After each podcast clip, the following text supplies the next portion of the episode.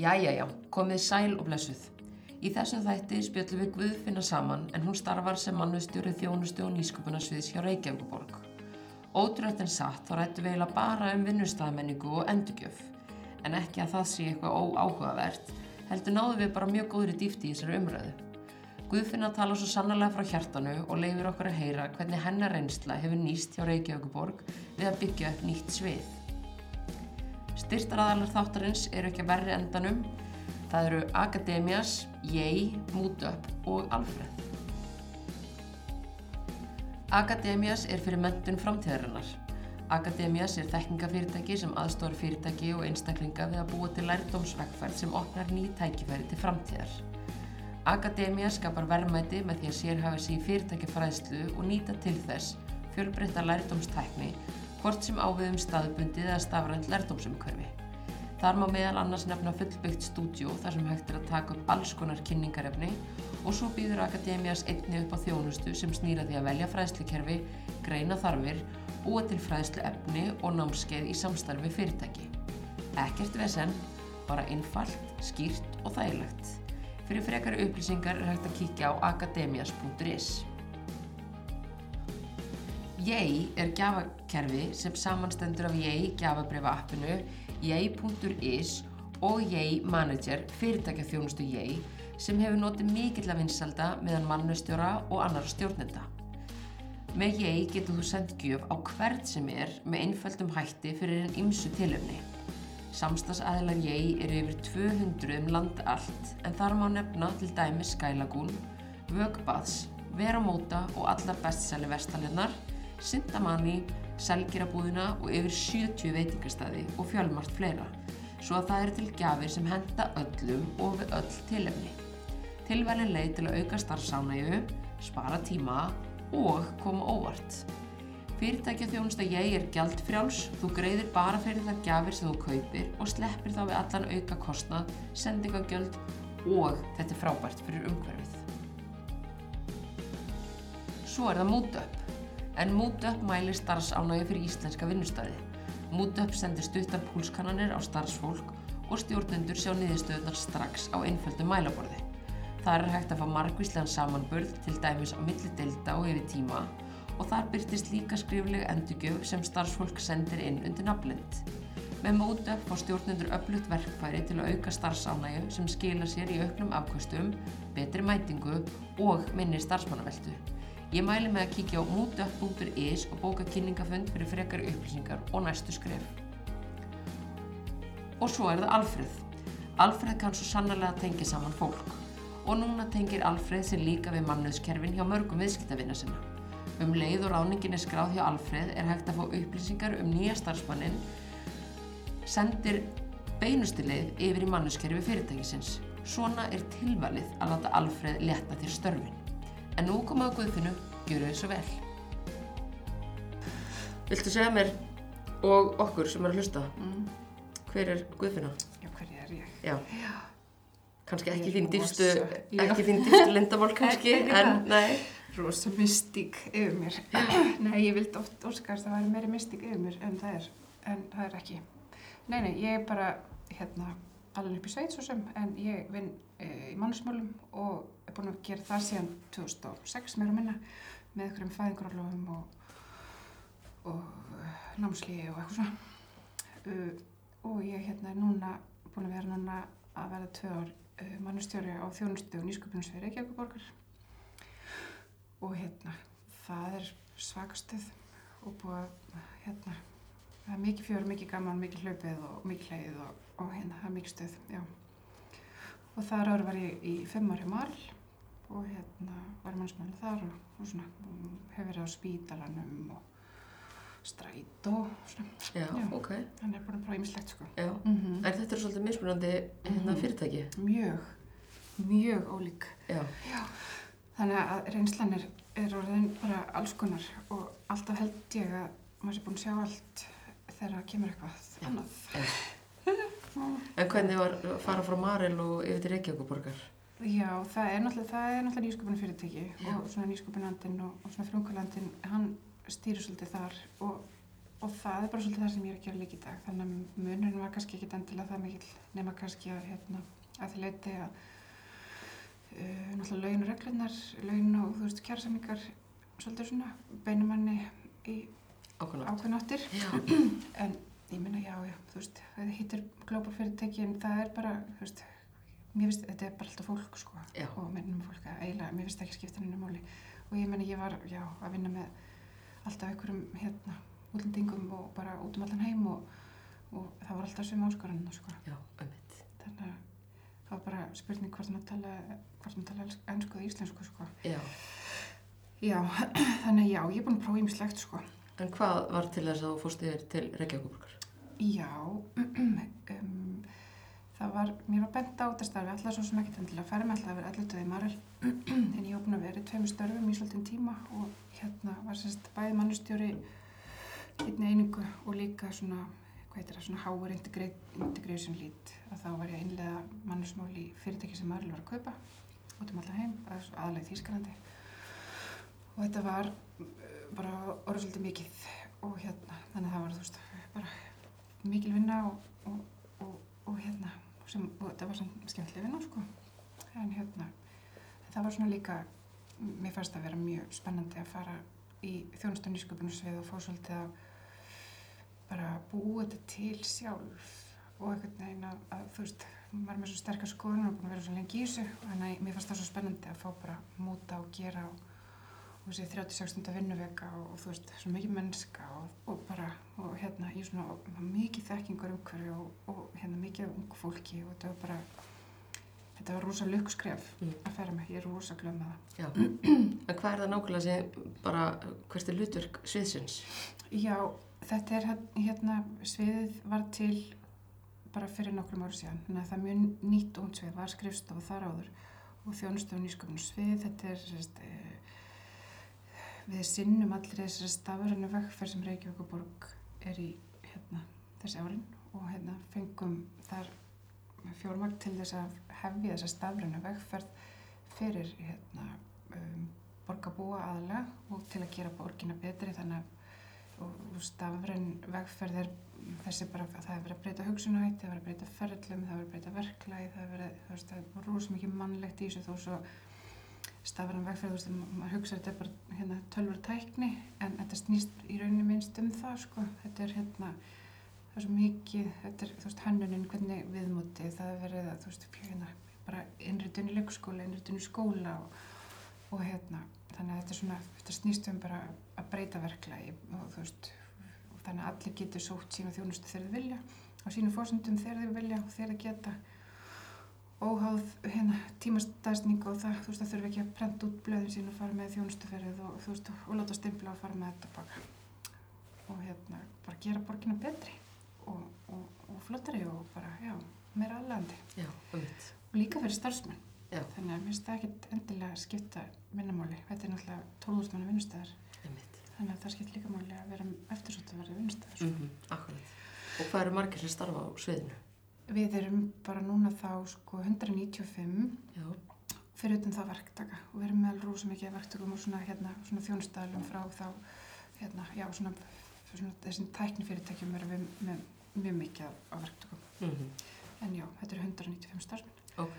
En þú talar um áðan að hérna, það var nýtt, til dæla nýtt svið. Já, Um, voru þá hérna, vantilega bara starfsfólk sem var að vinna annar starf hjá Reykjavíkuborg sem var komin á þetta svið og einhverju nýjir eða hvernig, já, þetta var, já, í rauninni sko eða bara mestu hlutin þar sem, sérst, grunnurinn er bara kjarnar starfsmenn, starfsmenninir eru bara frá skrifstofunni og svo hefur það bara stakkað og stakkað og, og jú, það hafa eitthvað svona tilfæslu verið innan borgarinnar en mest bara ráðið fólk sko. já, ömmit. Þannig að þetta er mikið, meiri hluti nýtt starfsfólk Já. eða, já, Já, alveg, já, við erum búin að ráða mjög marga, ok, bara síðast eh, eitt og halvt ár sko. já, Já, búin mikið stöð sko. já. Já, Og hvað eru því mörgi mannsmálum? við erum tvær. Þeir eru tvær. Já. Já. Hvernig gengur það? Skulum ekki tala um þetta ógrátandi. Nei, tjók. Nei, nei, við vorum þrjár sko og hérna, en ég hérna, hafði ekki fjármagn til þess að halda þriðja og hún hætti núna bara rétt fyrir jólun. Þannig að, já, við byrjuðum tvær og, og, og, og kom inn hjálp svona í rúmt ár og, og hún farin aftur. Þannig að við áverðum tvær. Þú veist, þetta gengur alveg um sjúklega duglegar Ósla mikið að gera mikið og... að gera, en svo verður maður líka bara forgangsa og það er bara, hérna, við erum bara mjög góður í því líka. Og hérna, þegar maður er, þegar er mikið að vera og eitthvað, þá bara, þú veist, þurfa aðri hluti kannski bara að bíða. Mhm. og það, þú veist, það gerist ekkert. Við bara verðum að fókusa á réttu hlutina. Já, ömmit. Og hvernig farið það því að fókusa á réttu hlutina? Um, ég, ég, hérna þú veist svo veit maður ekki alveg hvort að, þú veist, það er kannski engin sammála því hvernig það er mismunandi hvernig maður gerir hlutina. Maður setur svona sitt svona, hérna, háar fingra fara á, á, hérna, sitt starf, sko. Akkurat. En það sem að, hérna, við höfum lagt bara mestu ásluna á er hérna, þú veist, það eru hérna, faglegt ráningaferli, það er hérna, faglegt onboardingferli og hérna, og mikil þjálfun fræðsla og svona handlæsla fyrir stjórnendur og hérna, og svona, þú veist, e, svona svolítið kultúrhakk hjá okkur. Já, og svona, þú veist, að hérna um, þegar ég kom inn hann fyrir einu hálfur síðan þá, mm, þú veist, var menningin alveg, þú veist, þá var maður byrjaði að gerjast og þú veist, það var svona ákveðin púntar sem maður svona bara, þetta er flott og, og, og höfum bara okkur þykir vænt um það og það er maður bara haldið áfram að hlúa því og það eru svona hluti svona bara sem að, þú veist, að því við erum náttúrulega í nýskupunar uh, umhverju og, þú veist, við viljum bara nýskupunar hérna svið, að þá erum við líka bara, þú veist, þessu skapandi menning og og sálendurgi og endurgjöf og þú veist svona helgun og alls konar svona þættir eða þessir aðalega fjóru þessir þættir eru svona þungamiðin í okkar menningu mm. og þá veit maður bara þú veist, mann langar náttúrulega að gera endalust margt þú veist, og ég geti alveg hérna með mig, mína kvartvísu og hérna allt saman að, þú veist, prófa allt og gera en mm, þú veist, það eru bara ákveðin hluti sem eru kannski bara svona grundvallaradri sem er skipta bara mestumáli og og þá, og, þú veist, þegar við erum að skala upp og niður og þetta, þú veist, þá, en það, það er ákveðin hluti sem ég vil ekki trópula í og það er þessir. Akkurat. Og svo þegar þriðja mannskjum var að þá var innri upplýsingamilin miklu virkari og þá var hérna fræðslikerfi miklu virkara og þú veist, það var svona, hérna, en það bara, verður það bara að sepja. Já, akkurat. Auðvitað myndi ég vilja vera tíu til þess að maður geti gert allt sem maður langar að gera, sko. Já, ömmit. One day. Já, vonandi. En nákvæmlega. Hvað sem þetta? Já. En hvernig hefur svona gengið einmitt að því að meðast áhugavert það sem þú sagðir á hana þegar þú komst, þá var svona einmitt menningin byrjaði að myndast svolítið Mm -hmm. og svona hvernig hefur gengið einhvern veginn að halda í það góða en svo reyna að bæta við Mhm. það stöðugt. Mm Já, en nákvæmlega, veistu það hefur nefnilega bara gengið alveg ofbóðslega vel.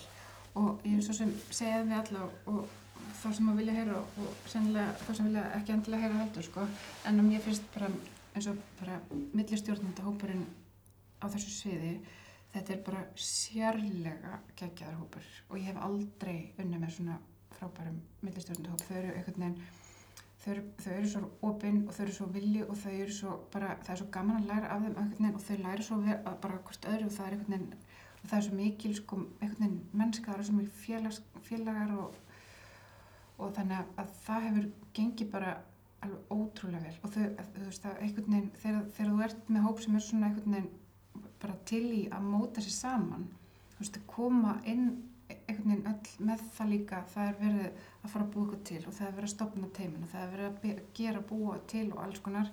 Og þá eru þau bara þá kemur líka inn með þetta mindset þú veist bara að þá að hafa allir umbúð til aðtapna að það hafa allir einhvern veginn svona um, já, þú veist, umbúti verka og allt þetta, þau, einhvern veginn það er allir ráðinir inn af því að þeir eru með eitthvað eitthvað resource í sér, þú veist, það er eitthvað ætlum, þú veist, þú ert geggjaður í þessu ætlum, þú verður að vinna hjá okkur og það, ég held að finna allir, þú veist, þannig að þegar þú sittur við borðið og það er verið hugmynd að vinna það er verið að gera að, þú veist að við, við kallum eftir en hva, hvað finnst þér, hvernig vilt þú, hvað finnst þér ok, hvað, hvert er það að fara, þannig að það finna allir að hafa svo mikið áhrif á verkefnin og hafa svo, þannig að, já ég held að það sé bara málið að, að þú kemur inn með þetta mindset að þetta er hérna, að þetta hefði örgulega verið öðruvísi, þetta hefði verið hérna, eitthvað, þú veist, allt annað þú veist, gróið fyrirtækir sem allir væri búin að vera í öllum störfunum bara endurist lengi að fara einhvern veginn að brjóta það upp og breyta. Mm en að því að allir koma inn einhvern veginn á sömu fórsendunum svipum tíma líka að þá einhvern veginn er allir bara í sama gýr, bara láta virka, byrja bara að vinna, gera, búa til eitthvað. Og þetta er líka eitthvað sem að þegar þú ert að fara inn í eitthvað svona að þá eins og það, allt þetta fólk sem að hérna, og bara við öll sem erum að vinna þarna allir þessi fjölda fólki við erum öll að gera eitthvað sem að hefur kannski ekkert verið gert neðst annars þar og það er líka bara svo geggjað. Já. bara hérna og mér finnst það og bara einhvern veginn að þú veist andin sem við erum búin að búa til er prófum þetta bara. Og bara sjáum, þú veist, að, að það er ekkert eitthvað svona, það er engin mistök heldur, þetta er bara lærtum og maður er svo auðvitað að segja þetta en það er raunverulega þannig. Þú veist, að, að fá með einhverju hugmynd bara hvað allir þetta sé hægt eða eitthvað, já, menna prófum þetta. Sjáum bara, þetta er mismur þú veist, það bara, ok, höldum áfram. Og það er enginn að dvelja við það. Og það er bara, þetta er ótrúlega sérstætt Já. þetta minnst þetta geggja, sko. En hvað er þetta stór hópur af, uh, eins og dæmis þessi stjórnundahópur? Sko þessi stjórnendahópur, þessi er svona 20, og- þú veist, þá er það teimistjórar og deildarstjórar, Mm -hmm. þessi ekki svona 24, 5 eitthvað svo leys Ok, og hérna, já, kannski minna, 22, 3, já, sennilega. Og hérna, svo er skrifstofstjórar þar hérna sem stýra, hérna sem teimist og deildarstjórar, maður stýra sínum skrifstofum og þar inn er teimist og deildarstjórar og svo, já, það byrjum með sjö skrifstof, sko. já, akkurat. En ég meina til þess að, sko, nú veldi ég bara fyrir mig núna Mhm. út frá því sem þú ert að segja Mm -hmm. að auðvitað til þess að skapa þessa menningu að þeir eru bara Mhm. að prófa, það er að fá allir að taka þátt, þetta er bara samvinna um, þá þarftu náttúrulega einhvern veginn að búa til um, svona hennar grundvöld fyrir stjórnendur að einmitt, þú kemur þetta inn og við erum alltaf að vinna saman, við erum alltaf að prófa, við erum alltaf að reyna að gera eitthvað nýtt og eitthvað svona, hvernig fer það því? Eða skilur, er þið með við skipulað fundi, Já, hvernig, hvernig já. helduru hópnum saman, hvernig eru þið orðin Já, ummitt. uh, að þessum hóp, Já. skilur? Já, einmitt. Sko það er bara, það er, margt í því, sko, sem, sko. Það er hérna, um, þú skrifstofstjórnir og svo hérna, teimistjaldastjórar, við erum með eitthvað sem heitir ringborð og það eru bara svona stjórnundufundir sem heitist tökjum mánuða fresti og það er annarkvæmst svona innlagnir eða alls konar hluti sem fyrir mér mannustengt eða stefnumótun eða eitthvað. Svo erum við eitthvað sem heitir barborðið sem er það bara fyrir hérna, okkur finnst svo gaman að orðaleikjum og það er sem sagt bara teimis og deildastjórar og svo svo erum við eitthvað sem heitir kaffistón og það er allir. Og það er sem sagt svona er þetta hólfa niður eins og bara þegar við erum að halda eitthvað svona þjálfun og fræðslu og, og hérna og námskeið og fundi og eitthvað. Mhm. við hólum þetta svona niður þannig að- hver hópur eins og hérna barborðið binst saman í þú veist því að leita til hvers annars og þú veist og hérna og stiðja hvort annað og, og inn í þessu eru svona mentorapur þar sem að, Mm. þú veist, þá eru þeirra svipuð þú veist, hérna, deildastöru með deildastöru og teimistöru með teimistöru, þannig að þeir eru með svona Ah. svip e- alls ekkit endilega innan sem skrifstof, þá eru þeir svona hittast þeir svona reglulega og svona yfir kaffibólla og er eins og spáspólar og eitthvað. Þannig að þarna náum við svona að binda það saman. Svo erum við líka bara með og það sem að ég er alveg svaka ána með nefnilega því við höfum alveg hérna haldið námskeiðum þú veist skapandi menningu og hérna og sálvart örgi og svo endurgjöf. Og þar erum við bara svolítið að þú veist búa til þú veist hérna svona mindset þú veist við erum að, við erum að, við erum að leggja grunninn í samtalinu að því bara hvað finnst okkur? Veist hvað finnst okkur vera vera hérna þegar við erum að móta ok, hvað er í okkar huga skapandi menning? Ok, og við erum alls sammála um það. Mhm. ok, og þá tölum við um þetta sem skapandi menning. Og, svo förum við í, hérna sálanöryggi, ok finnst okkur þetta vera hérna sálanöryggi ok, þá ætlum við að halda áfram að vinna með það. Og þá, þú veist, þá er, þá er svona orðanótkunin, orðaskilningurinn og bara svona hvernig við skiljum hvað sem er að því að það getur verið bara eitthvað svona eru eitthvað sem enginn skilur. En þú veist, við erum bara genuinely búin að fara gegnum það hvað þetta þýðir í okkar huga, þú veist, hvað er tröst þú veist, bara það getur þýtt allt, allt annað mínum huga en í þínum huga. Þannig að við höldum svona teimis bara þjálfun þar sem er bara verið að þjálfa teimin í að byggja svona hraða tröstabyggingunni þannig að þú veist, að því að við höfum ekkert svo mikinn tíma í þessari stafrinu vegferð þetta, þetta var þryggjára verkefni hjá okkur við þurftum svolítið bara, þú veist, setja í gang og bara byrja. Það, það þurftum að hraða því að trösti myndast í hópnum til þess að þú getur fundið þetta sálurina örgi og til þess að þú gætir verið í hérna áhrifaríkri eða árangursríkri endurgjöf. Og, og þá verður tilskapandi menning þú veist, við, þetta verður bara allt, við verðum að flýta okkur þú veist, þetta bara, þannig að já, við höfum gert það. Og hef haldið svona námskeið í hérna endurgjöf sem er, þetta er svo skemmtilegt af því að þetta er svo, þetta er svo ótrúlega viðfemur uh, um, málflokkur mínu og þetta breyta mínum uppáhaldsmálflokkum. Og ég geti svo sem tala um það í þrjá daga þess að bleka sko. Mm. og það er bara, mér er þetta ógisla skemmtilegt. Og hérna, og hef haldið nokkur fyrir bara, og einhvern veginn, og svo snýði ég það bara að, þú veist, hérna hvaða hóp fyrir sig, ef við erum bara að tala við ringborðið eða barborðið eða alla saman eða, þú veist, kannski bara stafruna leðtóðana eða eitthvað, da, da, da. Og þá bara, þú veist, erum við bara með alltaf svona sér hérna, þú veist, hlið á hverjum teningi fyrir sig. Og því það er bara að geta verið með bæði hérna, svona uppbyggjandi endurgjöf og, og jákvæð endurgjöf samhliða og að það er bara að það bara gerast einhverju töfrar þá.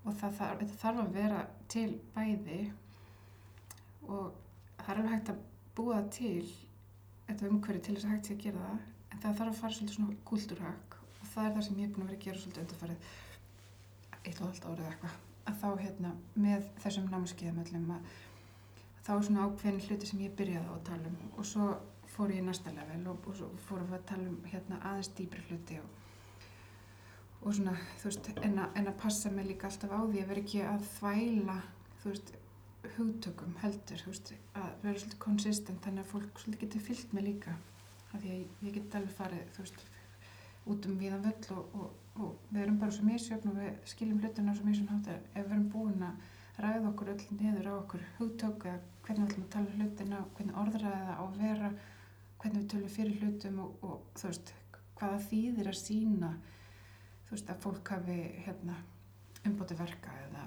eða hvað þýðir það að valdefla fólk eða hvað þú veist ekki bara að segja þetta þetta er ábræði Já, nákvæmlega. Ég veist þetta bara hérna svo áhugaverið punktur því að við uh, allavega eins og þú talar þú veist þá Mhm. hljómiði uh, sem bara mjög fungerandi teimi mm -hmm. en þið þurfum náttúrulega að hafa farið í gegnum einhverja Mhm. vinnu til þess að komast þanga já, þannig að þess vegna fannst mér svona áhugavert að heyra hvað já. Hvar áherslunar ykkar liggja, hvað það var þar einmitt svona hvaða vegferð eru búin að fara í gegnum til þess að þið séu svona fungerandi Mm. eins og þið greinlega eruð. Já, við, þetta, er- þetta er mjög velfungerandi en ég menna þú veist, bara eins og öllum stöðum þetta, þú veist, kemur eitthvað upp á eitthvað á, en það er líka kannski að þegar maður er komin þú veist, búin að vinna grunnvinnuna og, og þegar eitthvað kemur upp á í bara samskiptum eða einhverju vinnu eða eitthvað starf sem maður þarf eitthvað annarkvæmt að taka til að laga eða eitthvað það er líka þegar maður er búin að kúltúrhaka endurgjöfuna og að þú veist, komin á þann stað að það er hægt að gefa endurgjöf á heiðarlegan máta á þess að þú veist, fari í persónuna, þú veist, þetta sé hérna Mhm. málefnarlegt og velgert og undirbúið og faglegt og, og þegar við erum komin á þann stað að geta einhvern veginn talað um hlutina, þú veist, bara sem fagmannskja og einhvern veginn bara, ég er ekki sammála þessari nálgun eða okkur, eða, þú veist, getum við eitthvað talað um þetta eða eitthvað svona, þú veist, að það sé bara allt gert á faglegum grunni, það bara, já, mér finnst allavega það þarf að vera til svo hægt sé að gera hérna, svo hægt sé að laga til. Og þessi sangirni þar að þú veist, hérna ef eitthvað kemur, þú veist, til mín inn á borðið til mín og ég, veginn, maður, þú veist sangirni sjónum með að rosa ofalega í huga mér og mér finnst mjög mikilvægt að, að hlutir sé alltaf unnir en ekki sópandi teppi sem getur líka alveg svona ekki lesa hælla á stundum sko. En hérna það er líka þú veist þegar fólk upplifir að það er sangirni og það er, það er þú veist tekið á erfiðum málum og það er hjólað í hluti ef að, ef að þeir er ekki lægi að þá líka bara upplifa allir að þeir hafi röddina og það er það sem ég vil. Ég vil ekki, þú veist, ég langar ekki vera okkur að vinnustaf þar sem að segjum aðeinslega fallega hluti svo er ekkert að marka neitt sem er að það sko. Þú veist, þá bara slepp ég að tala um það sko. Það er bara, ég minna bara, þá, þá er þetta bara ekki virka þá þarf ég bara að vinna eitthvað meiri í þangað til ég komið þangað. Og svo er maður bara, já ok, er þetta raunverulega svona, þú veist, er ég bara eitthvað, einhverju, hérna, einhverju bleikri búblu búin að búa eitthvað agalega til fínt í höstinu og mér og allir eru bara, hvað hann spá? en þá hefur við líka tekið upp svona eitthvað, eitthvað svona eitt tækja því mér langaði að vita, ok, er við raunverulega, er, að þú veist, er þetta raunverulega svona og hérna að þá tökum við upp eitthvað sem heitir púls og tökum alltaf þón púlsinn, tvekja mánuða fresti kynnum svo niðurstöðnar á ringbúrinu. Hvað þýðir, hvað er, þón? Þón, púls Já, og þá er þetta bara svona púlsmæling til bara hérna úrtaks starfs, í starfsmannahópnum og þá er bara ákveð ákveðnum svona kjarnaspurningar sem er spurt úr varandi sálurendurki og skapandi menning og tröst og, og endurgjöfin og það og hérna og svo er eitthvað svona kannski eitthvað þema spurningar þar und- undir. Þannig að þá erum við að sjá hvernig hvort raunverulega hlutinir eru eins og þeir eru, þú veist, Já, er, við að dala í sálurinn trösti eða erum við að, að hækka í, í skapandi menningu, þetta, eitthvað. Og hérna, og það gefur okkur eða þá, gefur það okkur svona einhverja e, skýringu á því, bara erum við að gera vel, þú veist, hvar þurfum við þá að gefa í eða hvað, hérna, hver er næsti skref eða eitthvað, það hérna er alveg frábært og við notum það líka, við erum að búa til svona, svona virðist tilbúð á íslensku, alveg fínt, sem eitt samstarf sem hafi bjóðað til fyrir mig, þetta er svona employee value proposition, þá er það svona bara, hvað er við að bjóða? og til þess að auðvitað eftir hérna, góðu fólki þá þarftu líka þú veist, vera svolítið aðlandi og hérna, og við varum svo hvernig getum hvað er það sem fólki fyrst mikilvægt að vinnustaf, hvað er það sem að við getum þá sagt frá sem að væri það aðlandi fyrir fólk, að því við erum búin að vera að ráða líka mikið af fólki. Og þá þurftum við bara, þú veist, senda út svona púls til þess að kanna okay, hvað er það sem er gott af vinnustanum okkar? Og þar fengum við út bara niðurstöðu sem að við setjum svo í atvinnulýsingarnar okkar. Það er það sem að fólk telur þessu gott og finnst mikilvægast sko. Þannig að já, bara þú veist vinnustæðurinn er bara fólki og það, þú veist, ég get, ég get alveg slefti, þú veist, að segja eitthvað, já, ég vil hafa þetta svona hins einn, þú veist, við bara þetta verður bara til, Já, bara líka með góðu fólki, þetta er náttúrulega þú verður, ef þú ert leðtögi inn í hóp, að þú veist, þú, þú verður að vilja það. Þú verður, Já, þú veist, af hverju ertu leðtögi bara að því þið langar ok fyrsta skrefið þeirra langar til þess að við getum það, þú veist mótað hópin í ykkur átt bara ok, við viljum fara þanga og þá er allir tilbúinir í það bara, þú veist, bara já, ég vil gera þetta, Mhm. förum. Já, Nei, bara, hérna, að því þetta er náttúrulega það sem við erum búin að vera að ræða núna, er náttúrulega bara um, kjarnin í einhvers konar vinnustaf menningu. Já, og um, að þú hefur svona mitt byrjað að taka þetta í um, gegn fyrir einu halvu ári síðan. Mhm, og eins og þú segir, bara einhvern veginn að fara í gegnum þessa vegferða því að þið gætu ómögulega að vera svona fungerandi teimið eða væri ekki búin að fara gegnum einhvers konar vegferð sama hvernig hún er. Mhm, um, ef þú horfir svona þess á þessa vegferð bara allt það sem þeir eru búin að vera að gera mhm, hvað svona heldur að skipti mestu máli í þessu? Þetta er kannski ekki eitthvað sem að skiptir eitthvað rosa litlu máli nei, nei, en svona hvað, hvað heldur að svona skipti mestu máli? Um, sko, mér finnst að það er náttúrulega svo margt sko. og svo veði og grein í annað. mér finnst það rosa skiptamáli að það hérna að veist, eftir höfundansi liminir og að hérna sínin og markmiðin og, og hvert við erum að fara og, og hérna og svona komi þú veist um, frá öllum þú veist, þetta- getur aldrei búið eitthvað til á einhverju einu í einni skrifstofu sem er ekki annar. Þú veist, það, bara, það þurfa allir að vera rosa sammála um það hvað er mikilvægt. Þú veist, það þurfa hérna, sögusturinn þarf að vita hvert hann er að fara og veist, af hverju hann er að fara þangað. Og þá finnur fólki líka bara að þetta er ekki í bara orði. Þetta verður að vera í borði. Af því að þú veist, sögusturinn segir hérna, hún, hún finnst eitthvað sem endurspeglast þá í, í bara hérna, skrifstofstjórum sem endurspeglast í deldur tömustjórum sem endurspeglast í hópum að þetta hríslast bara alltaf þannig niður. Þú veist, maður getur alveg sagt og þú veist, það er rosa falleg hu- hugsjón að þú veist, það er hérna, það er ekkert hýrarki og það er bara flata struktúr og bara beinbóðmeðlun og eitthvað, það er rosa fallet að segja sko, en þú veist, það veit allir, það, það er ákveð skipurut og það er, þú veist, þó að sé, þú veist, auðvelt á sumu stöðum og það er hjá okkur alveg klárlega, það er hérna, það er allir rosa mikið aðgengi að öllum og það er alveg klárlega þannig, en það er ákvæmnaðin koma samt, þú veist, og það er, hérna, peningarnir koma eitthvað staðar og það er, skilur, þú veist, hérna, maður verður bara viðkenna það, þannig er þetta bara. Mér veist að, maður getur ekki verið naíf að segja bara, "Ah, bara allt eitthvað, en þú veist, vissulega og það er alveg hjá okkur, við erum, það, þú veist, við erum fullt aðgengi öllum, við getum alveg talað saman hver sem er og eitthvað, það er bara alveg fína. En það er samt, það er svona, já, að, að þessi allir sammála um hvert við erum að, þú veist, og það vilja allir fara þangað, við erum all, við, við tengjumst þessum gildum um menningunni, þú veist, við finnum okkur staðar og okkur líður vel í þessu umhverfi, þú veist, okkur langar að vera leitaður að forgöngum en okkur, þú veist, það, já, ég held að bara fyrst og fremst sé það áhugi og vilji og bara metna það, sko, og því það, þú getur farið alls konar leiðir að því, Já, akkurat. þú veist, en bara, ef það er eitthvað svona, ef við erum, ef við erum, þú veist, ef að ég finn ekki, ef að mín persónulegu gildi samrýmast einhvern veginn ekki, ég, þú veist, ég, já, ég bara einhvern veginn finn ekki að mér líði vel hérna, með þessi hvert við erum að fara og ég finna að gildi mín bygglast okkar, ég mun aldrei geta fungað það, þannig að, veist, við, möndum valið inn til okkar, við, hérna, þú, já, bara, þú veist, gott fólk vels líka á góða staði held ég.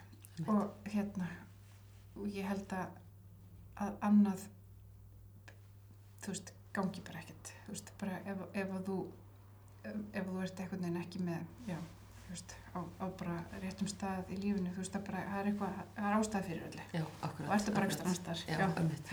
En þannig að sko, að því mér finnst þetta einhvern veginn áhugavert svarfræð að því að sko, veit ég, grunninn er þetta bara þannig, meina, maður hefur ekki áhuga að vilja að það getur til þess að Mhm. fara eitthvað leið, þú veist, þá bara hakast maður ekki. nákvæmlega Þannig að það skiptir rauninni kannski ekkert endilega máli hvaða leið það er valinn, bara svo lengi sem hún hendi kannski starfseminni eða eitthvað svona, en þá er þetta bara vilji og áhugi sem að, já, mest já, mér finnst það bara algjörlega, mér finnst það skipta öllu máli.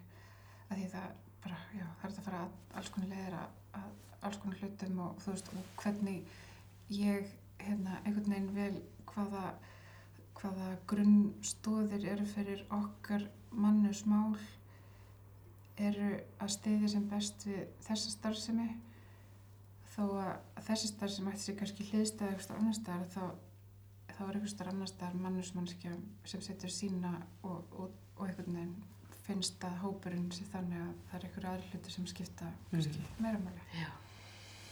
En þá kemur maður veginn aftur að því að, hérna, um, það er einhver, er alltaf einhver leið sem er farin, Já. en þá er bara spurning, sko, tekur, og eins og þarna í þínu tilfelli, ég meina, tók, tóku stjórnundur það mikið þátt í því hvernig það, hvernig, hvaða leið það ætlaði að fara, Mhm. eða þurftur einhvern veginn að selja fólki hugmyndina en að gæsa lappa, Mhm. að þetta væri best, eða skilur Já, ummitt. Ég þurfti ekki að selja neitt allavega. Þau eru bara, þau eru náttúrulega bara, þetta er náttúrulega bara uník fólk, sko. Og hérna, við erum svo sem oft leiði að því að hérna, þau eru svo dásalega, sko, að ég hef stundu sagt við að þau væri bara með svo rúslega lágar væntingar af því að það er bara sama hvað mannismáli bjóð upp og þau eru bara rosa glöð. Þau er bara, já, en væntingarnar eru kannski bara lágar. Það er eitthvað verið að djóka. Nei, nei, þau eru, eru dásamleg. Nei, það er meira kannski bara að, þú veist, að hérna, eins og þetta að við erum með bara fagfólk í hverju rúmi og það er bara, það, já, þú veist, þau treysta mér svo 100% til að sinna mannusmál. Bara you do you, stay in your lane, bara ekki gera neitt annað, bara hérna, þú ert hérna, ótt að vera þessu, þannig að þegar þú veist, ég er náttúrulega eftir einhvern smá tíma þegar ég er svona ok, ég ætla að gera þetta og við förum langar að fara þessa leið og eitthvað. Þetta er náttúrulega bara mega sens í þeirra huga, það er bara ok þú veist, förum, en að, að, þú veist, bara absolutt 100% þá hef ég alltaf ég hef aldrei slegið ykkur á borðu og segið hei, halleluja, menn, við erum bara þessa leið. Já, það er alls ekki þannig sko, en það er svona meira svona bara ok, ég tel að við ættum kannski, þú veist, fara aðeins í þessa átt og út af því að þetta og þetta og þá getum við kannski farið þarna þarna og eitthvað. Þannig að, þú veist, og ég vil alltaf hafa þau með mér, bara absolutt. Og þau, þau vilja það líka. Þeim, þau eru bara, þetta er allt framúskarandi stjórnendur sko og hérna, og mjög mannustengjandi öll, þannig að hérna, þú veist, það er, ég þarf ekkert að, þú veist, þau eru öll á vagnunum, þú veist, við erum öll að gera þetta saman, sko. Og hérna, þannig að ég, já, ekki þurft að selja neitt, en vissulega, þú veist, í, í mútastefnu og verkefni og hvernig við erum að gera og hver eru grundvallarættirinn og fórkongurinn og allt þetta og hérna, og þau bara bara eru samla Já, akkurat. Bara, þetta er náttúrulega bara geggjar hópur þetta er ekki, þú veist, mér finnst oft eins og ég sé bara ok, voru að tóna þetta niður það er trúir þessu engin, nei alvörinni Ég er bara, ég er bara stressu þín vegna að fólki hérna sem er að hlusta er bara að fara að næla sér í stjórnundu Já, þeirna. nei, nei, nei. nei, nei. nei, nei, það eru upptökin Já. Þau eru bara ekki laus. nei, það eru ekki laus nei, nei, þau vilja vera hjá mér Já, akkurat. Nei, en hérna þetta er áhugavert. En svo Já. talaður líka eins um endurgjöfina áðan. Já. Þú komst aðeins inn á það. mm -hmm. Hvað svona, hérna, svona hvert er þitt sjónarhóðna á endurgjöf? Þá bæðið bara fyrir stjórnendur og starfsfólk. Einmitt. Hvað hefur langan tíma? Nei. Uh, alveg bara næstu þrjá daga og Já. veit, sko. Já. Sko, þetta er hérna, þetta er, mér finnst þetta rosalega stór máluflokkur, sko. Og hérna, og ég þarf alltaf að passa mig þegar ég byrja að vaða einu í annað. sko, að hérna, þú veist, uh, endurgjöf er svo ótrúlega mikilvæg upp á bara bæði fyrir stjórnendur og starfsmenn. Og endurgjöfin er ekki, ekki endilega bara stjórnandi til starfsmanns. Og hún er ekkert endilega stjórn, starfsmaður til stjórnanda skilur bara starfsmaður, starfsmaður, stjórnandi, stjórnandi skilur bara þannig að við, við eigum bara opið og heiðarlegt spjall. Og hérna og þú veist, auðvitað hræðast margir þetta orð, endurgjöf. Þetta á að vera svona eitthvað rosa hart og eitthvað en, en við erum í gúldræki hjá okkur að hætta, tal, hætta hræðast það. Að því endurgjöfin er, hérna, er líka alveg jákvæð og hérna sko þegar við erum að kúltúrhaka endurgjöfina til dæmis að þá hérna veist, og það er svona einn vingill á þessu að, að því að veist, líka til þess að venjast þessu orði og þú veist eitthvað að, að þá hefur svolítið farið inn í að skoða þannig við erum hérna, það er eitthvað teiminn setjuð borðið og hérna svo uh, ég ætla að ákveða, ég ætla, ég ætla að taka minn skerf í að kúldraka. Ég segi við hópin bara, herðu, ok, hvernig fannst ykkur? Getið þið gefið smá endurgjöf á hvernig þetta hefur gengið? Var þetta allt í lagi? Og þú ert þá að kalla eftir endurgjöfni sem gera það verkum þeim finnst auðveldur að gera það næst og svo ennþá auðveldur að gera það næst og svo er það farin að gera það og svo byggðir.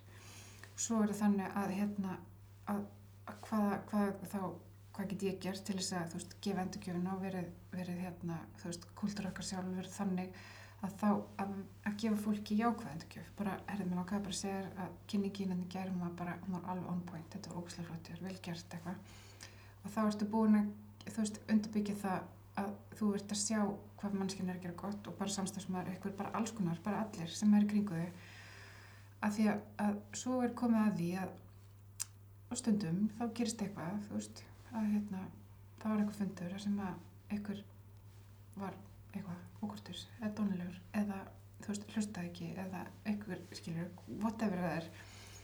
Og hérna og þá finn ég, heyrðu, ok, ég ætla, ég þarf aðeins að að tala saman, þú veist, bara ef mér finnst eitthvað sem að, ég er með eitthvað tilfinningu þessuna, eða það er eitthvað sem að koma upp á eða eitthvað sem ég þarf að hreinsa upp borðið það er eitthvað sem er ósagt, eða það er eitthvað svona sem að þú veist, eitthvað svona sem er að gerast, það getur verið alls konar.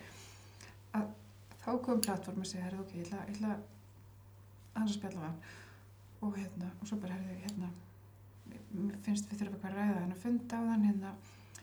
Og, þú veist, og þá er oft bara svona þrjár einfalda leiðir eins og Símon Sýnek vinnur okkar. Hann er búin að tala um veist, og við erum búin að reynda oft og og bara einfaldleikir oft bara bestur í þessu. Bara hvað gerðist og hvernig leið mér hvað áhrif hafa það? Og skiptir ekkert í röð, þú veist, það bara hérna um, þú veist, mér finnst erfitt hérna, ég vil bara tala um við þig, þú veist, hérna að þú greifst fyrir mér, frammi fyrir mér fundinum á hann sem að, þú veist, það bara, hérna, fær mér til þess að, hérna, þá líður mér ekkert sérstaklega vel og hefur bara svolítið áhrif að trösta okkar eða sammununa, þannig að mér langaði bara svolítið að ræða. Og, og þetta þarf ekki að vera flókið og þetta þarf ekki að vera eitthvað svona, þú veist, eitthvað svona einhverju skrauti og, og, og orða, hérna, hérna, flaumi og, þetta er bara einfalt og gott og það bara viðkomandi bara, herðu, fyrir geðu, ég bara áttaði mig ekki á því, bara ég vildi alls ekki gera og bara máli búið og farið, þú veist, þetta hefur svo mikið að segja bara líka, þú veist, hver þekkir ekki samstarfsmann sem að er, þú veist, betra mannskjan í stólnum og segir aldrei neitt og þú veist, í, þú veist, kábótarnir og þú veist, eitthvað. Og þetta á bara ekkert heima skilur bara hérna og bara sleppum þessu og passiv-aggressiv fólk.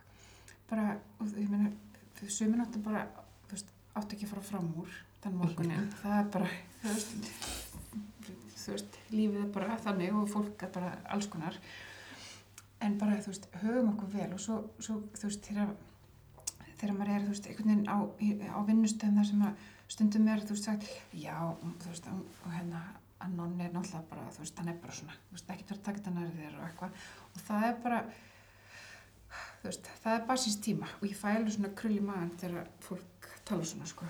Þannig að bara svona að stundum þarf bara að adressa hluti, stundum er bara einhvern veginn, það er bara, það er ekkert allt í lægi, skilju, það er ekki allt, allt í lægi. Þú, og bara við verðum að vanda okkur og, og við erum búin að vera að ræða þetta með svolítið hjá okkur bara að það skiptir einhver máli, þú veist, lífið tekum hann í búndabæri og á til og það er bara hjá öllum og þú veist, stundum er bara, er drullu erfiðu tíma eða eitthvað, en það er samt ekkert sem að gerist hjá þér og hjá okkur sem að afsakar það að við séum dónaleg eða þú veist, leiðileg eða eitthvað. Skilur það bara, það, þú hefur ekkert frípassa þó að hérna pappiðin, þú veist hafi þú veist, skiljaði mömmuðina eða þú hefur hérna, skilur mamma henni hafi flutt til útlanda, eitthvað skilur það bara og reyfist þið makaði þannig morgunum þú veist það bara eh, þú verður bara veginn þú- ekki það og auðvitað ekki. Maður getur alveg sett skil á milli en með þessari endurgjöf líka og með bara opnu og heiðlegu samtali þú veist og tjekkunum og alls konar að þá er líka bara þetta að segja bara heyrðu, ég veit að ég átti bara ömulega helgi krakkarnir voru bandbrjálaðir og allir kolvillusir og bara þú veist með þú veist eitthvað og ég er bara sjúklega þreytt. Og allir bara ok, ég veit það Guðfinn er sjúklega þreytt bara hérna þú veist, eða skilur í staðin fyrir að vera bara einhvern veginn að láta bitna á fólkinu kringu þig bara, já og ég vil að það þú veist mín svona hérna, draumsýn er svo að, að, að við bara getum verið bara góðu hvort annað.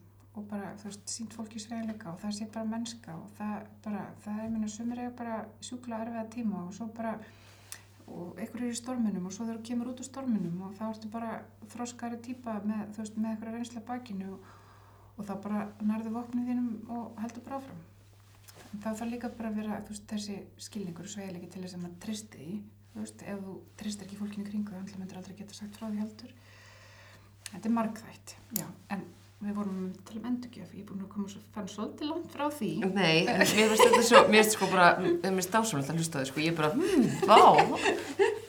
Nei, en mér finnst bara svo áhugaverst að að þetta er alltaf svona það sem að um, er verið að ræða um varðandi endurgjöfuna, maður getur bara svona sest niður og einhvern veginn sagt bara, heyrðu, ég hérna áðan á fundunum þá Mhm. sagður þetta og mér líka það ekki og hérna eitthvað svona. Mhm.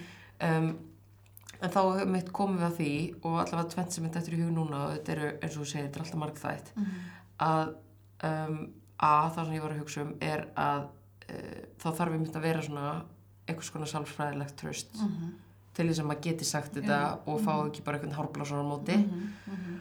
og B að þá þarf maður að uh, hafa farið í gegnum einhvers konar þjálfun eða eitthvað til þess að geta sest niður og sagt hlutina án þess að vera með eitthvað svona krúsitúlur að vera bara eitthvað, já, ég, hérna, ég var veltað þetta fyrir mér uh, sko, eitthvað Mhm.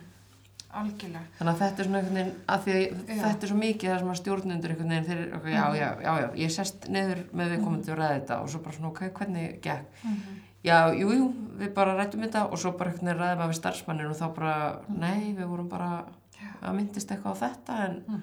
eða skilur Já, og þá svona velti, velti maður fyrir sér, bara, ok, hvernig, Mhm. já, þú veist, hvernig er maður það örugur Mhm. með endurgjöfum að sest bara niður og bara, Mhm. heyrðu, þetta er málið. Já, nákvæmlega. Og það er það sem við, ég hef verið að reyna að gefa svona eitthvað svona sameinlega tólatæki og við erum með námskeið sem heitir bara tólatæki endurgjöf. Og það er svona hérna það er svona pæling eins og bara hvernig undirbyrðu þig. Þú veist, hvernig hérna talar um mannskjuna, hvaða spurningar spyrðu þig, þú veist hvað ertu með í hug, hvernig scenaríu byrjuð til?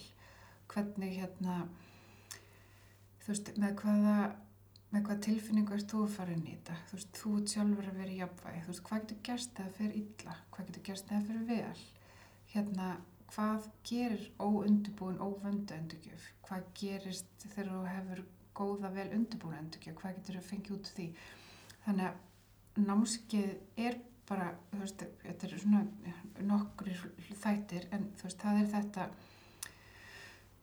þú veist, að, að, þú veist ég náttúrulega bara lesa og gera og eitthvað, þú veist, og það er ákveðin svona tækjatól sem mér finnst allavega virka sem mér finnst hérna, þessi verðt að þú veist, láta fólk vera að vita, ok, þetta finnst mér virka vel.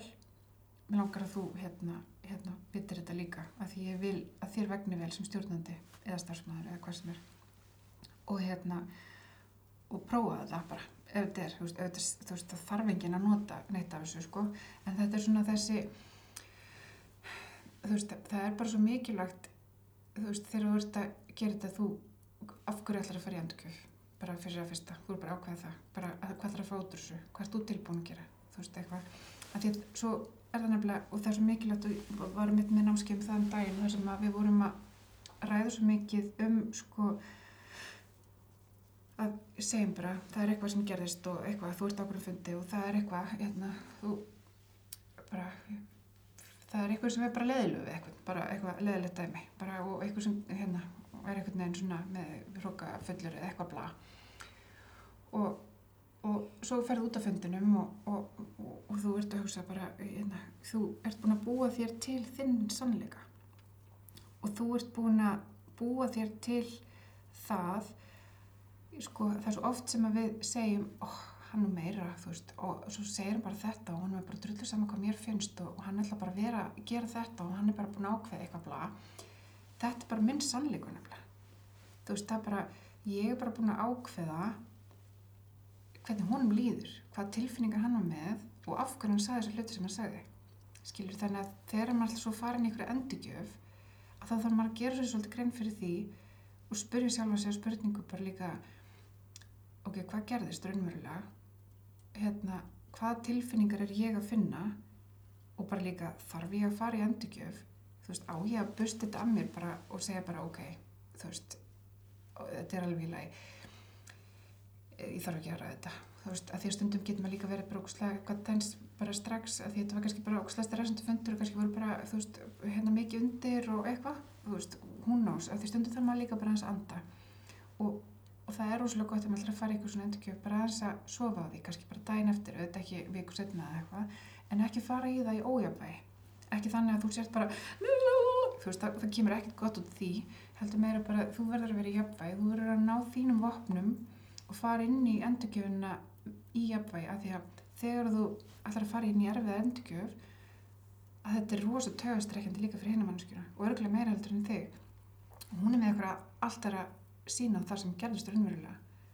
Heldur, og það var kannski, já en ég menna þú varst að byggja um þú veist skoðanir, þú varst að eitthvað skilur þú veist að bara ekki búast við neinu, einhvern veginn og ekki, ekki verið fyrirfram búin að ákveða hvað hann fannst, okkur hann gerði þetta, hvernig hann líður og hvað, hvernig það fótur og eitthvað rúrt eitthvað, heldur meira bara ég upplifði að það var eitthvað veist, hvernig horfður þetta fyrir þér, hvernig líður þér með þetta var þetta eitthvað skrítið hjá þér líka? Ertu, hérna, getur við eitthvað hreins að borða getur við rætt þetta eða hvernig líður þér með þetta? Skilur við bara að því að leið og ef maður ætlar að fara einhvern veginn að stilla fólki upp við vegg og einhvern veginn og þú veist og ég segi þetta oft, þú veist, bara ef maður ætlar að setja fólk út í hotn einhvern veginn og þegar fólk finnur að það er komið út í hotn fullur fólk þetta er úrslega vond stað að vera í og það langar það yngum þannig að einhvern veginn til þess að ef þú ætlar að fá gott út röndugjöfni og þú ætlar að komast á betri stað að þá treður ekki neina út í hotn og þú lætur alltaf fólk halda virðingunum sinni. Af því þú myndir vilja það líka. Þú veist bara hvernig viltu að tala við þig? Viltu þú veist, viltu fá betra samstar út úr þessu? Af því að ef það kemur eitthvað upp á stundum bara ég meina, þú veist, það gerist alveg. Einhvern tíman hérna þú veist, var eitthvað hérna ég og einn yfirmaður sem ég hjátti og hann var eitthvað, hann var eitthvað ósangjarn við mig og, og ég var bara, þú veist, 24 ára eða eitthvað. Og ég fór einhvern tíman bara að gráta. Og, og þú veist, hann, hann var eitthvað ógislega ósangjarn og þá var hann allt í hennu bara svo með sér nefnir hann fattaði að hann væri ósangjarn, hann fór hann líka gráta svo bara föðmuðust við og, og verðin rosa vinir og eftir. Þú veist þannig að sko svona endurgjöf og svona er oft líka bara til þess að kannski brjóta ísin, þú veist það getur verið bara til þess að ef hann er vel undirbúin, ef það er þú veist, ef, að- ef, að, ef að við viljum láta laga hlutina, ef við viljum komast á betri stað sem að á alltaf að vera markmið, ef markmið er að hjóla í mannskina og láta hana svoleiðis heyra, djúvill skal ég segja henni bara til syndana, helvit, nei, þú veist, eitthvað, vertu þá bara heima og veikur þann daginn kannski bara, þú veist, bara ekki koma. En, en, bara, en ef þú ætlar að, ok, ég vil laga þetta, ég vil bæta þetta og ég vil, þú veist, ég vil hreinsa borðið eitthvað. Og svo líka bara við sjálf bara, stundum bara, eru við kannski bara, þú veist, eitthvað, stutt í spuna eða eitthvað, svo bara, "Æ, sorry, ég var eitthvað stutt í spuna en ég var ekki, þú veist, bara fyrirgjöðu með þetta, eitthvað, bara líka bara geta bara beðast afsökunar. En nú erum við komin aftur út í nefnvöld, en já, það er allavega, við, sko, við verðum að koma fram með fólk eins og við viljum láta koma fram með okkur, við verðum, við megum ekki læsa fólk inn í hotni, við megum, þú veist, við verðum að vita hvað við ætlum að fá út úr því, hvað við ætlum að leggja á mörgum, ef það er eitthvað sem að, þú veist, ætlar bara að láta hann laga eitthvað, eða er eitthvað sem að, þú veist, þeir þurfa að laga saman, af því ef að sambandi þarf að laga, þá er það tveir aðilar, sko, eða fleiri, og svo er oft svo mikil, þú veist, já, ekkert oft, þú veist, það er stundum mér að gera svona mistök eins og í endurgjöf að það sé einhver, það eru bara allir búinir að vera að tala um það að þú hefði bara látið eins og kjánabreg á þessu fundi og það finnst öllum erfitt að koma til því núna og ræða þetta við því og það þorir engin að nefna neitt við og það er bara, eru allir og öllum fundum bara þegjandi, þú veist, og þá tala ég alltaf, ekki hlaði í herin, sko. Þú veist það er bara ef þú ert í endurgjöf við eitthvað þá ert þú í endurgjöfinni. Þú veist það er ekki að því allir hinir er í endurgjöfinni og þetta er svolítið verið að fríja að er búin að sjá að þú ert eitthvað eða þá að ég upplifi að það er svona. Þú ert ekki píslavottur og eitthvað svona miskunnsami samveri að fara fyrir að hópa fólki og gera eitthvað skilur kannski þú ert verið stjórnandi með eitthvað en bara að það orðar þetta bara öðruvísi. Þannig að pössum okkur að hlaða ekki hérinn og einhvern veginn að þú veist að bara ef ég þarf að hreinsa borðið, ef ég þarf að ræða eitthvað, ef ég þarf einhvern veginn að, að bæta eitthvað, eitthvað að gera, þá er ég að gera það af því að ég finna þess þarf. Ég er ekki að gera það af því einhver annar finnur þess þarf. Og ef maður segir bara eitthvað, já, ég get ekki tala við hann eða eitthvað, nei, ef þér finnst þú að ég get tala við hann, þá skal þú adressa það og þú hreinsa borðið ég ætla ekki að koma inn sem þriðmaður og hreinsa eitthvað borða á millega, þetta af fólk sko. þú veist, og bara ef ég finn að það þarf eitthvað að hreinsa eða laga þá er það mína ábyrð að hreinsa og laga þú veist, það þarf ekki vera neitt. Bara, einhvern tíman var ég að tala við eitthvað hérna þú veist, samstarfsmenn og bara, að það, mér finnst bara ég, þú veist, það er eins og það er eitthvað ósagt hérna, hvernig, þú veist, ert þú að finna þetta líka? Bara já, ég líka, bara, þú veist, er eitthvað að, er bara nei, bara er það ok, bara hreinsum borðið, bara klára mig, þú veist, oft er bara kannski eitthvað svona tilfinning að þetta var eitthvað svo leðilegu fundarinn dæn og þetta var eitthvað svo endarsleft og ég veit ekki alveg, erum við alveg góð eða eitthvað, og þá er það bara búið, veist, í staðan fyrir að sé eitthvað svona krullast og magnast og eitthvað að gerast og bara, þú veist, því fyrir því betra. Þetta bara skiptir ógislega miklu máli og hérna, og þú veist hvernig þú setur samtalið upp, hvar þú gerir það og, og svona hvað spurningar þú spyrð, þú veist að vera með opna spurningar líka því að þú veist þegar þú setur upp svona scenarjó og, og hérna og þegar þú ert að fara í óslega erfið endurgjöf og scenarjón eru viðkomandi getur frósið, sætt ekki orð bara og verður bara mm, þetta er búin, ok, bless, eitthvað.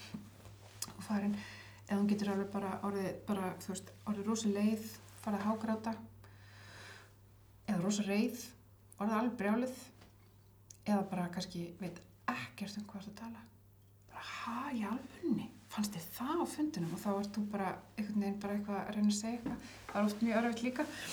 En þú verður einhvern veginn að vera undirbúa þetta allt saman, allar þessi scenari og áður en það fer einn samtal og það er, það er mjög góður undirbúningur og vera með spurningar þú veist, opna spurningar í hverju eina því að þú ert þarna til þess að eiga samtal, þú ert ekki þarna til þess að láta hann heyra það, heldur meira bara hvernig líður þér með þetta, ert þú sammála, hefur þú upplöðið þetta líka eða bla, hvernig getur við lagað þetta, hvað finnst þér, eitthvað svona.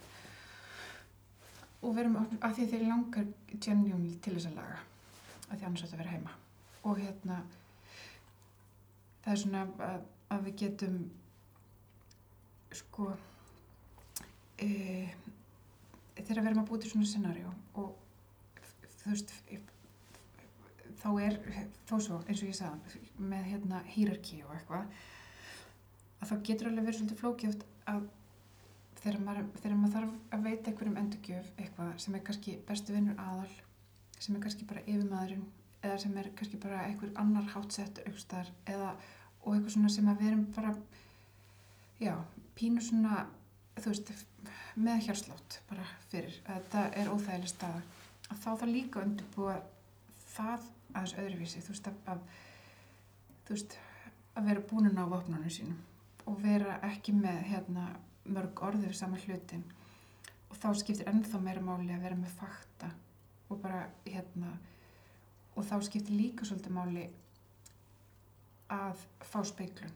Veist, að fara ekki inn í þannig samtal, ekki alveg viss hvað ætlar að segja, hvað ætlar að fótur eða hvernig við niðurstaðan verður eða hvort þú yfir höfu bara haldir það sem þú heldur. Og þá er líka bara eiginlega best að fá smá speiklun hjá einhverjum, einhverjum trúnaðar alveg kannski í vinnunni bara ég upplifi þetta, ég er að hugsa um að þú veist, ræða við hann. Bara hérna, þú veist er, er ég, þú veist, verður að fá heiðarlega speiklun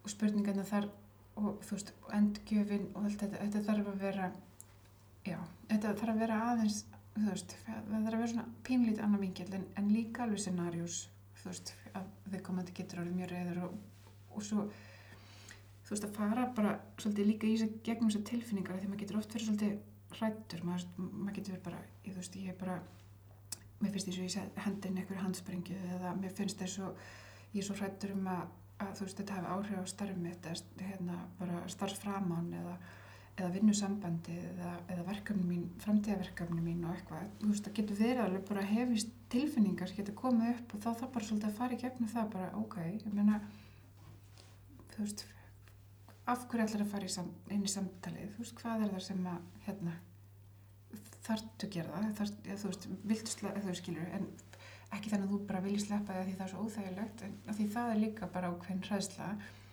Og með því að tala sér í gegnum og fara í gegnum þessar tilfinningarnar til, tilfinningar og skoða bara líka bara hver sannleikurinn er og þú veist hverju tilfinningarnar eru hverju mögulega heinar tilfinningarnar getur verið hjá hinni mannskinu þú veist bara þá ferði líka bara inn í samtali miklu öryggari og ég er ekki að segja þú veist allt sem ég er að tellja upp er náttúrulega bara þú veist miljón hlutir og verður bara í 15 daga undirbúið það er ekkert eitt samtal bara. og bara getur ekki unni að meðan það er svo mikið undirbúningur. Nei, það, þú veist, þetta bara fylgist alltaf að þú veist, þú ert að hérna þegar maður er hérna, eins og þegar að vera að tala þegar, hérna, þegar stjórnundur koma til mín og beða mér um hjálp að undirbúa eitthvað svona endurkjöf eða eitthvað þú veist, þetta tekur ekki langa tíma. Þetta er meira bara spurningarnar bara, ok, þú veist, hvað allt fóður hvert þetta fara með þetta? Og þú veist, hvað ætlar að gera? Hvernig, þú veist, hverju býstu þið að scenaríu að verða, hvernig býstu þið að breyðast þið og af hverju, hvað spurningar ætlar að spyrja? Svo er bara, er þið bara með þú veist, oft bara spurningarna niður skrifar og, og fyrstu skiptin og kannski bara alltaf er bara rosa gott að vera bara með handrit Já. og bara fylgja því. Mm. En ég menna eins og þetta, eins og komst inn á áðan um, eitthvað svona hræðsla hjá stjórnenda um, varandi viðbröðin mm -hmm. sem hann fær frá annarkvort mm -hmm. uh, samstagsmanni, mm -hmm. starfsmanni, undimanni, bara hvað sem er. Er þetta í oft það sem er einhvern veginn bara svona, æ, æ, sleppið þessu. Já, já, já, þetta er alltaf Æ, þetta, þetta er ekkert eitthvað svo stort eitthvað. Ég ræði þetta við hann næst þetta gerist eða eitthvað, ef þetta gerist. Já, já tekið þið næst, þá, þá skal ég tala já, já, akkurat. þá, já, já, það. þá tekur alveg 30 dagi undirbúning. Já, nákvæmlega. Nei, já, það er bara, það er bara mjög oft hannig og það er líka, hérna e, er eiginlega bara betra ef maður ætlar að vera ykkur svona kultúrhæki að frekar að, hérna ræða um endurgjöf þegar hún er kannski bara lítill og þú veist, hérna, þú veist, bara hún þarf ekki, það þarf ekki vera, þú veist, það ekki farið af og eitthvað. Að því að það er líka hægt, þú veist, að því þú stundu þurfa líka bara stjórnundur að brína en starfsfólki sitt eða bara aðeins að, hérna, þú veist, hérna beina höfðun ykkur aðra áttir og eitthvað og það er bara svona stjórnundataktík, bara mm -hmm.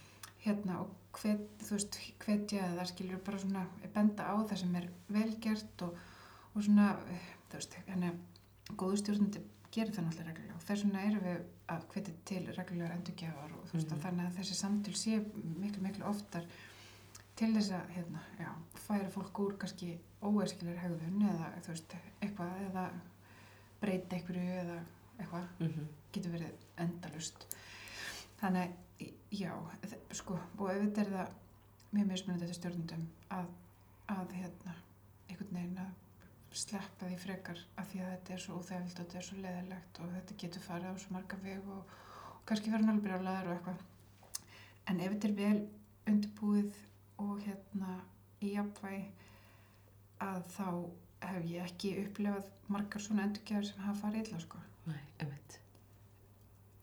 ef einhverja, ég man bara ekki eftir neitt nekkur núna. Þannig að já, ég held að þú fáir alltaf meira út úr því að gera það. Auðvitað, og þetta snýst rosa mikið um hugur ekki Mhm. og setja vel í sér og vera með gott sjálfsmat einhvern veginn. Og ef þú ert þú veist, leiðtögi og forgangum að er góðu stjórnandi þú veist, þá, þá ertu þú veist, þá ertu forgangum að þú ert, þú hérna innleir góða venjur, þú hérna þú situr vel í þér, þú, ég skilur þig, þú veist, þú bara, þú veist hérna, og þá þá áttu bara þú veist, ríða plásturinn af og gera þetta þú veist, þetta er erfitt kannski fyrstu skiptin en með því bara líka gera þetta ekki of viða mikið og bara svona þú veist, einfaldar setningar þessuna og bara, þú veist, og með fakta og bara, þú veist bara sem heiðarlega manneskja skilur, og þú veist, það þarf ekkert að hjóla nýnið, það þarf ekkert að vera dónulur það þarf ekkert að vera eitthvað erfiður en þú veist, þannig að þetta bara og gefa fólki það líka bara færa og séns á því að, að svara, já, einmitt, ég veit það þú veist, ég veit ekki hvað var í gangi á þessu fundum þetta fór alveg allt í steik Mhm. skilur bara fólk veit alveg skilur þetta er fullari fólk oftast nær þannig að já það er alveg og, yfirmönnum finnst það bara alveg oft bara miklu skemmtilega að bara slepsu en þú færið ekkit endilega betri starfsmann fyrir vikið og þar að leiðandi og kannski í sum tilfellum þar sem þetta er kannski eitthvað sem hefur áhrif á aðra í teiminu að þá getur þetta bara valdið kannski eitthvað svona pyrring inn í hópnum. Þetta getur alveg valdið því að fólk upplifa ykkur ósangjarni og það bara komast upp með allt Mm. eitthvað. Þannig að bara, veist, þetta er kannski eins og pissa í skóðusin Já, einmitt. þetta er rosa gott er standið Já. En hérna, ein spurning að lókum sem ég er bara að spá í því að auðvitað er þetta bara allt sem þú ert búin að vera að segja þetta meikar það bara um, fullkomun sens að einhvern veginn bara nálgast um, málin á þennan hátt í staðan fyrir að vera bara eitthvað svona ég er að fara að hjóla hérna og gæja hérna Mhm. eitthvað svona Mhm. en þá kemur aðeins inn á sem hefur verið náttúrulega líka verið rætt uh, svolítið varandi endurgjöfina er þessi kynnslóðskipti Mhm. um, bara eftir, bara mismunandi kynnslóður ég meina ömmur okkar afar og Mhm. eitthvað svona, ég meina þau fengu ekkert eitthvað endurgjöf Mhm. eða skilur, það var ekkert eitthvað herri, nú ætlum við að setja sniður hérna að ræða málin Mhm. um, og hérna svo er kannski fólk sem er yngri en ég en ég er nú samt mjög unga en þá en hérna fólk sem er yngri en ég og er einhvern veginn að koma inn á vinnumarkaði núna Mhm. um, kringum kannski 25 ára 20, eitthvað svoleiðis, um, það vill bara stöðu og endurgjöf Mhm. þannig að þetta er mikil munur á Mhm. kynnslóðum hvað hérna hefur eitthvað svona spáð í þessu Já, þetta, já, ég hef spáð rosalega mikið í þessu. En ég fæ eiginlega enga neðstöð í það samt. Og hérna, sko, þú veist, ég held að þetta sé bara alltaf uppeldi. Og ég held bara, þú veist, að það er alveg til fólk á vinnustöðum sem þarf bara stöðut uh, endgjöf um, ég held bara að þá sértu ekki búin að móta endurgjöfni teiminu þínu, skilur ég, bara þú veist, jú, kynnslóðbil og þú veist, það er mismunandi hvað fólki finnst bara mikilvægt, þú veist, og hvaða, þú veist, og, en ég held að sé kannski ekki endilega uh, þú veist, ég meina, ég þekki alveg eldra fólk sem að þurfti rosa mikla endurgjöf og ég þekki líka alveg yngra fólk sem þarf ekki mikla endurgjöf. Mm -hmm. Og allt er að milli. En, það er rosa mikið talað um þetta. Og mér finnst einhvern veginn mér er alltaf þótt einhvern veginn vant að setja fólk í þessi hólf. Og hérna en, og, veist, en það sem við hefum oft talað um bara ef, ef ég ef ég er að fara að ráða mannski í teimum mitt sem að er þú veist, 20 ára mingri en ég eða eitthvað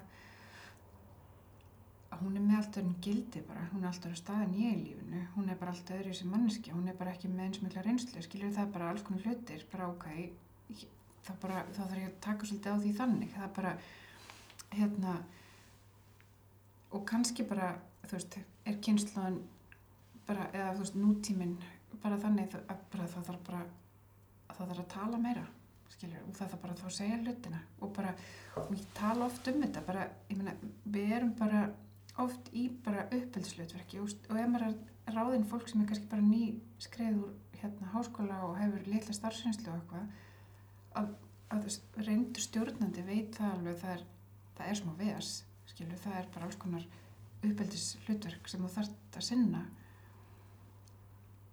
En ég, ég veit ekki alveg hvort það sé einhvern veginn svona eitthvað með einhvern, sérstæða hópa fólki eða hvort það sé bara hvort það sé kannski bara ætlast til þess líka bara að fólk tali meira saman veist, og bara, ég byrja ekki að segja mig það bara hvað vilt. Veist, að bara vera með óljósa starfslýsingar og það sé alltaf óljóst hvað mannskinn á að gera og vegna að tala og hver hefur umbútið verka og hvað, þú veist, eitthvað.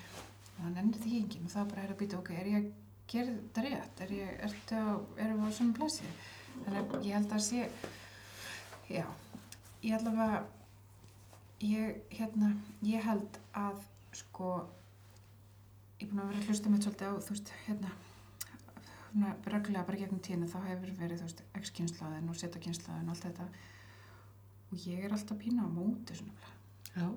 ég er bara og það er auðvitað ekkert margir þar eða þú veist, ég kannski er þetta mjög fyrirleg skoðun, en mér finnst að vera einhvern veginn að að við, við erum þá kannski bara svolítið að fél okkur á bakvið, þú veist að hérna, fólk þróast líka bara þú veist, að það er bara það er bara öðru sér væntingar, þú veist, ég held að, að því, en svo í hverjum einsta hóp er bara alls konar fólk, sko.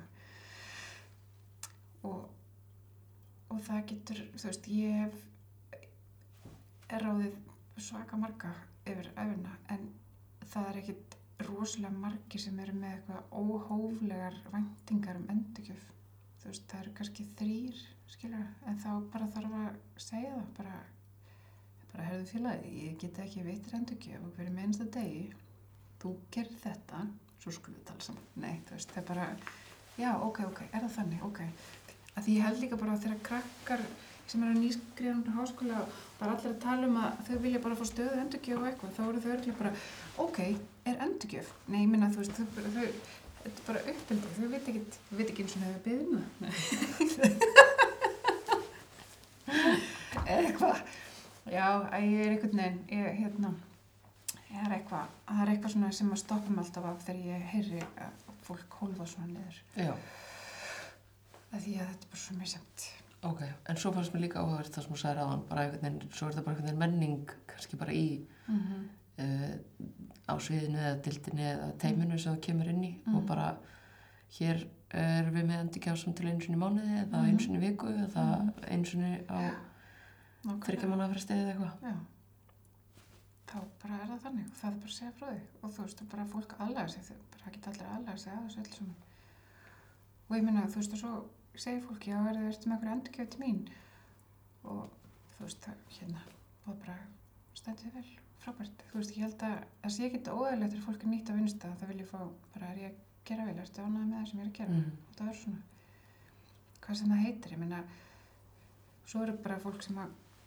kann ekki þetta hvorki að byggja um eða og getur ekki rósa neinum þú veist, það er bara fólk líka sem að kannski verður svona fúl skúlit í hodni ég vissi að það er svona eða eitthvað. þessi Emmitt. sem er ekkit heldur eitt eitthvað frábært þannig að já við bara tölum saman Er það ekki bara pönslæni í þessum þætti? Jú. Tölum saman. tala meira, Já. já, gera minna. Af því að sko, ef ég er að hugsa tilbaka, það er eiginlega eina sem við erum búin að tala um er bara vinnustafmenning og endurgjöf sem er bara geggjað. Já, nákvæmlega. Þetta er bara líka það sem ég bara hjarta mitt slæri takt við þetta, sko. Ég bara Ég heyrist það. Já, ég get ekki hægt að hugsa um þetta og Nei. bækurnar sem ég er að lesa bara um þetta allt saman að ég, sko, ég get, já, þetta er, þetta er, Ertu með einhverjar bækur sem mæli með? já, vá, Vá, ertu með bókasafni bara með þér? já, ég bara, Stökkst til Já. bara, já, já, já.